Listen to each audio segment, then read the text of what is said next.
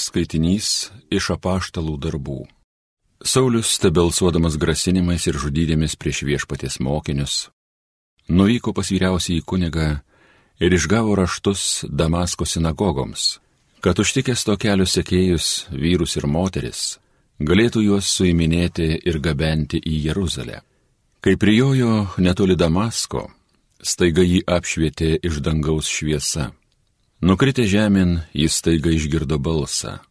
Sauliau, Sauliau, kam mane persekioji?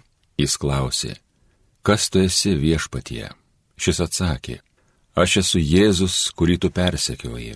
Kelkis, eik į miestą, tenai tau bus pasakyta, ką daryti. Jo kelionės draugai stovėjo be žado, jie girdėjo balsą, tačiau nieko nematė. Saulius atsikėlė nuo žemės, bet atmerkęs akis nieko nebematė. Paėmė už rankų, jie nuvedė jį į Damaską. Jis tris dienas buvo neregintis, nieko nevalgė ir negėrė. Damaske gyveno mokinys vardu Ananijas. Jam apsireiškęs viešpats prabilo Ananijau. Šis atsakė, štai aš viešpatie. Viešpats tęsė, nueik į gatvę vadinamą tiesiąją ir judo namuose teiraukis tarsiečio vardu Saulis. Štai jisai meldžiasi ir regėjime pamatė vyrą vardu Ananiją, ateinantį ir uždedantį ant jo rankas, kad praregėtų. Ananijas atsakė, viešpatie, iš daugelio esu girdėjęs apie tą žmogų, kiek piktai jis yra padaręs tavo šventiesiems Jeruzalėje. Ir čia jis turi aukštųjų kunigų įgaliojimus suiminėti visus, kurie šaukėsi tavojo vardo. Viešpats jam tarė, eik, nes jis yra mano rinktinis įrankis, kuris neš mano vardą tautoms, karaliams ir Izraelio vaikams. Aš jam parodysiu, kiek daug jam reikės iškentėti dėl mano vardo. Taigi Ananijas nuėjo į tuos namus, uždėjo ant Sauliaus rankas ir tarė, brolis Sauliau, viešpats Jėzus kuris tau apsireiškia kelyje, atsintė mane, kad tu vėl regėtum ir taptum pilnas šventosios dvasios. Jis atgavo regėjimą ir prieimė krikštą, paskui užvalgęs įgyjo jėgų. Pabuvęs kelias dienas su Damasko mokiniais, Saulis beregint ėmė skelbti sinagogose, kad Jėzus yra Dievo sūnus.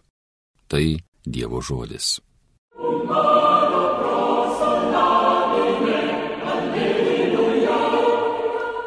Eikite į visą pasaulį ir skelbkite Evangeliją. Garbinkite viešpatį visos tautos, šlovinkite jį visos šalys. Eikite į visą pasaulį ir skelbkite Evangeliją.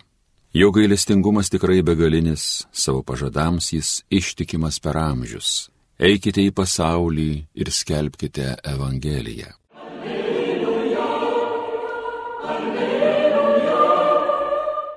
Kas valgo mano kūną ir geria mano kraują, tas pasilieka manyje ir aš jame, sako viešpats.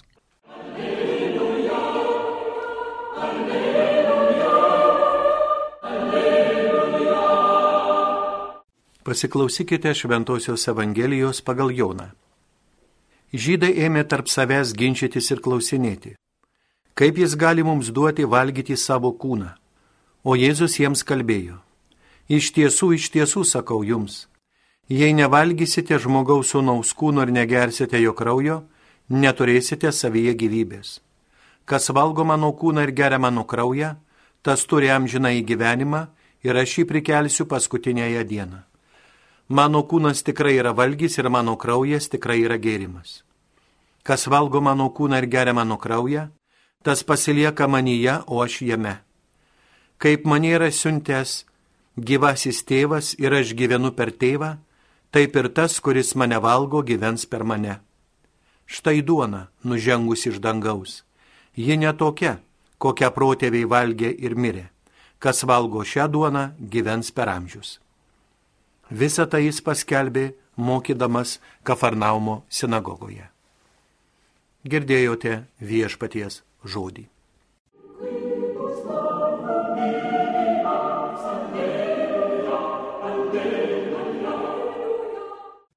Mėly Marijos radio klausytojai.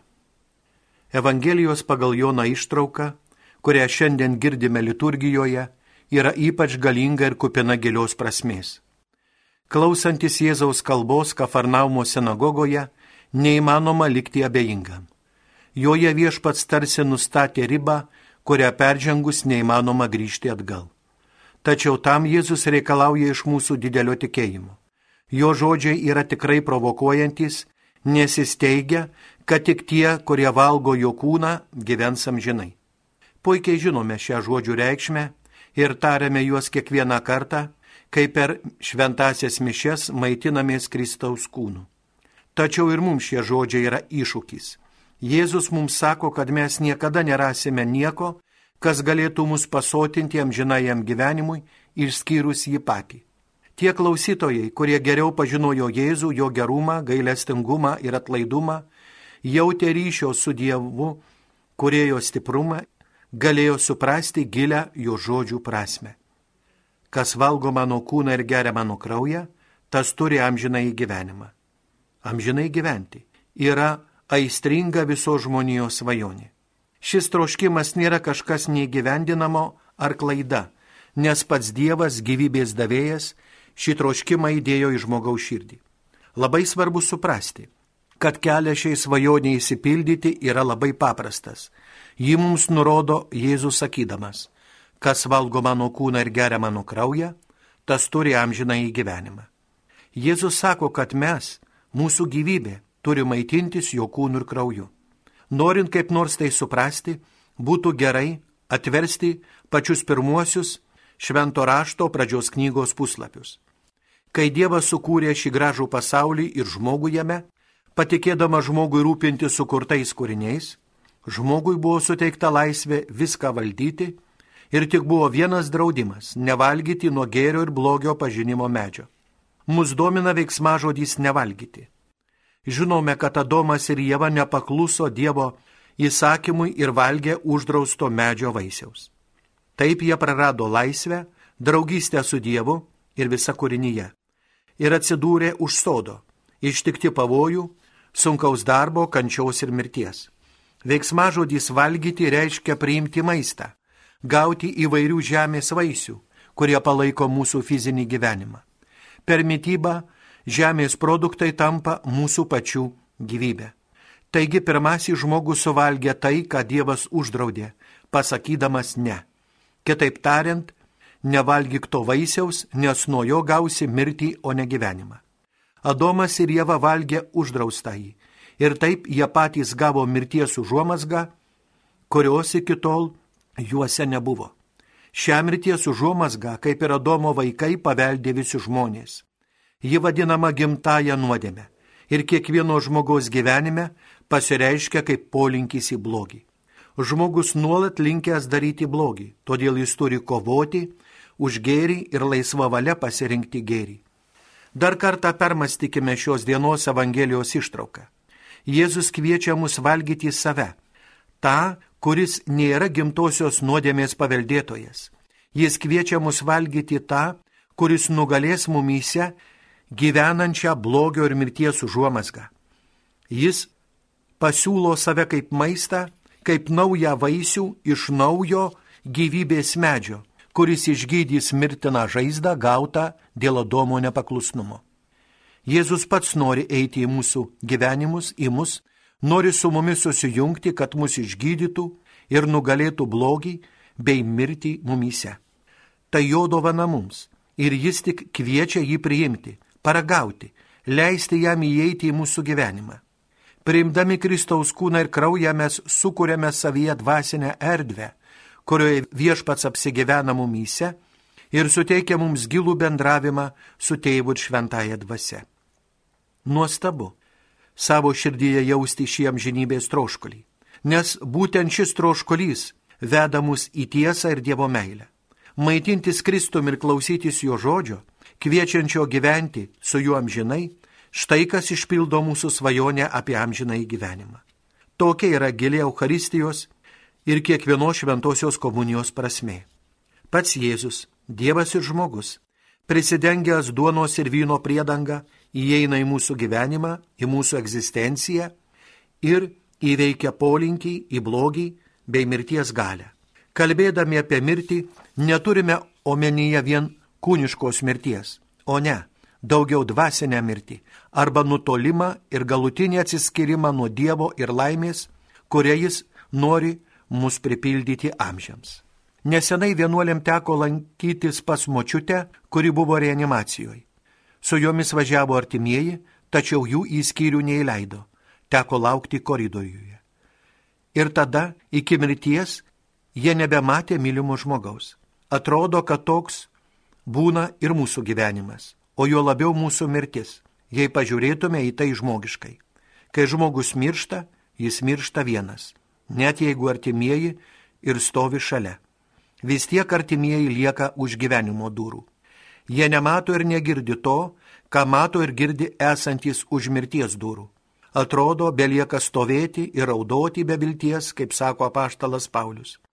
O dažnai dėl artimųjų žūties kenčiantys ir savos mirties laukiantys seni žmonės su liūdėsiu sako. Iki šiol niekas negryžo papasakoti, kas ten po mirties vyksta. Tačiau mūsų tikėjimas sako, kad iš tikrųjų vienas žmogus vis tik grįžo pasakyti, kad turime teisę tikėtis ir pasitikėti. Jėzus prisikėlė iš numirusių ir atnešė apaštalams gerąją naujieną, kad paskutinis žodis priklauso ne mirčiai, o gyvenimui. Jis atėjo, kad leistų visiems žmonėms dalyvauti šiame gyvenime, meilėje, kur yra stipresnė už mirtį. Nes ten, kur yra Jėzus, nėra uždarų durų. Tai matyti iš įvykių vykusių Jėzaus mirties metu. Jeruzalės šventykloje plyšo uždanga. O tai reiškia, kad nebėra atskirties tarp žmonių žemėje ir Dievo pasaulio kitame pasaulyje. Esame surištiem žinai ir jokia mirtis negali mūsų atskirti nuo Kristaus ir nuo tų, kurie yra su Kristumi. Todėl, kad Kristuje mums atviras Dievo pasaulis. Todėl su tikėjimu ir viltimi galime melstis užmirusius. Jei suprastume dovanos, kurią gauname per šventas mišes, ypač per komuniją didybę, sekmadieniais ne tik nepraleistume mišių ir šventos komunijos, bet ir darbo dienomis dažnai ateitume į šventasias mišes. Ieškotume galimybių dažniau būti mišiuose, dažniau priimti komuniją. Mes tiesiog to nesuvokiame arba nelabai tikime. Kelia susirūpinimą, kad daug krikščionių su dideliu lengvabūdiškumu atsisako priimti gyvybės duoną Euharistiją per mišes dėl nereikšmingų priežasčių. Tai reiškia, kad mes dar nesupratome ir neįsisavinome žodžio, kurį Jėzus sako šios dienos Evangelijos ištraukoje. Kas nesimaitina Jėzaus kūnų ir krauju, neturi savyje gyvybės. Tai reiškia būti pašalintam iš bendrystės su juo ir su švenčiausiai trejybė. Šventoji kudikėlio Jėzaus Teresė sako, Kada piktai dvasiai pavyksta atitolinti sielą nuo šventos komunijos, tada ji yra pasiekusi savo tikslą. Jėzaus noras yra labai aiškus - kad valgytume jo kūną ir gertume jo kraują. Tai reiškia maitintis pačią jo gyvybę, kurią jis netrukus po to visiems padovanos. Daugelis krikščionių net ir šiandien sunkiai supranta dovaną, kurią Dievas jiems teikia Euharistijoje. Daugeliu dalyvavimas mišiuose nieko nereiškia ir tai tikrai didelis lengvabūdiškumas. Kaip įsivaizduoji gyvenimą be maisto? Ir kaip tu gali manyti, kad gyveni Dieve, jei nesimaitini jo kūnu? Dažniau apmastykime šią tiesą, kad nepamirštume svarbių dalykų. Ką reikia padaryti, kad mes vis labiau suprastume tai. Visų pirma, mes turime atidžiai klausyti žodžių, kuriuos šiandien sako Jėzus. Dalyvavimas Euharistijoje tai privilegija, kurią daugelis norėtų turėti, bet neturi. Todėl Dievą savo gyvenime turime kelti į pirmą vietą. Jėzus kelbė, norint turėti amžinojo gyvenimo, Dievo gyvenimo dalį, pažinti išganimą, būtina valgyti žmogaus sūnaus kūną ir gerti jo kraują. Tai reiškia, kad neužtenka dalintis jo idėjomis ir vertybėmis, kaip tai daro kiekvienas mokinys savo mokytojo atžvilgiu. Kristus siūlo ir prašo daug daugiau užmėgsti su juo artimą ir tikrą bendrystę. Taigi su dideliu pasitikėjimu ir nuolankumu viešpats atsiduoda mums švenčiausioje Euharistijoje. Jis atsiduoda mums, pasiekdamas mus ten, kur esame. Komunija yra susiliejimas su Jėzumi. Bet tam reikia mūsų sutikimo ir tikėjimo. Valgyti Jėzaus kūną ir gerti jo kraują reiškia užmėgsti su juo bendrystę, sekti juo, tikėti jo gelbstinčių žodžių ir atitinkamai elgtis. Taip viešpats gyvena mumyse, o mes jame. Todėl kiekvieną kartą, kai priimame komuniją, nutinka kažkas nepaaiškinamo stebuklingo. Taip ir kiekvieną kartą, kai skaitome Jėzaus žodžius apie jo kūną ir kraują. Viešpats šiais žodžiais nori įnešti į mus kažką naujo ir nuostabaus. Ir jei sugebame priimti, tada atsiveria akis, atsidaro širdies duris ir viskas suvokiama kažkaip kitaip ir giliau. Šventasis Ambraziejus, mąstydamas apie šio Kristaus kraujo išganomąją vertę, sušuko. Jei aš nuolat nusidedu, turiu visuomet turėti vaistų. Romos mišiolo vienoje komunijos maldoje yra prašoma. Šis dalyvavimas Euharistijoje viešpatie te bus mums dangiškas vaistas, tegul naikins mūsų įdas ir stiprins mus amžiną globą. Tai reiškia, jog Euharistija yra dvasinis maistas ir vaistas. Šventasis Pilypas Nėris sakė, priimdami komuniją mes privalome prašyti pagyjimo iš tų įdų, į kurias labiausiai esame linkę. Viešpatė atleisk mums, kad tiek mažai dėmesio skiriame tavo buvimui Euharistijos lėpinyje ir kad taip mažai tavimi maitinamės. Mes prašome tave padidinti mūsų tikėjimą, leisti mums aukti meilėje ir priimti tave su dideliu pasitikėjimu. Leis mums pajusti, kaip su tavimi mumyse triumfuoja gėris ir kaip visas pasaulis keičiasi į gerąją pusę. Dėl tavo buvimo gyvenime tų, kurie šventosios komunijos metu maitinasi tavo kūnu.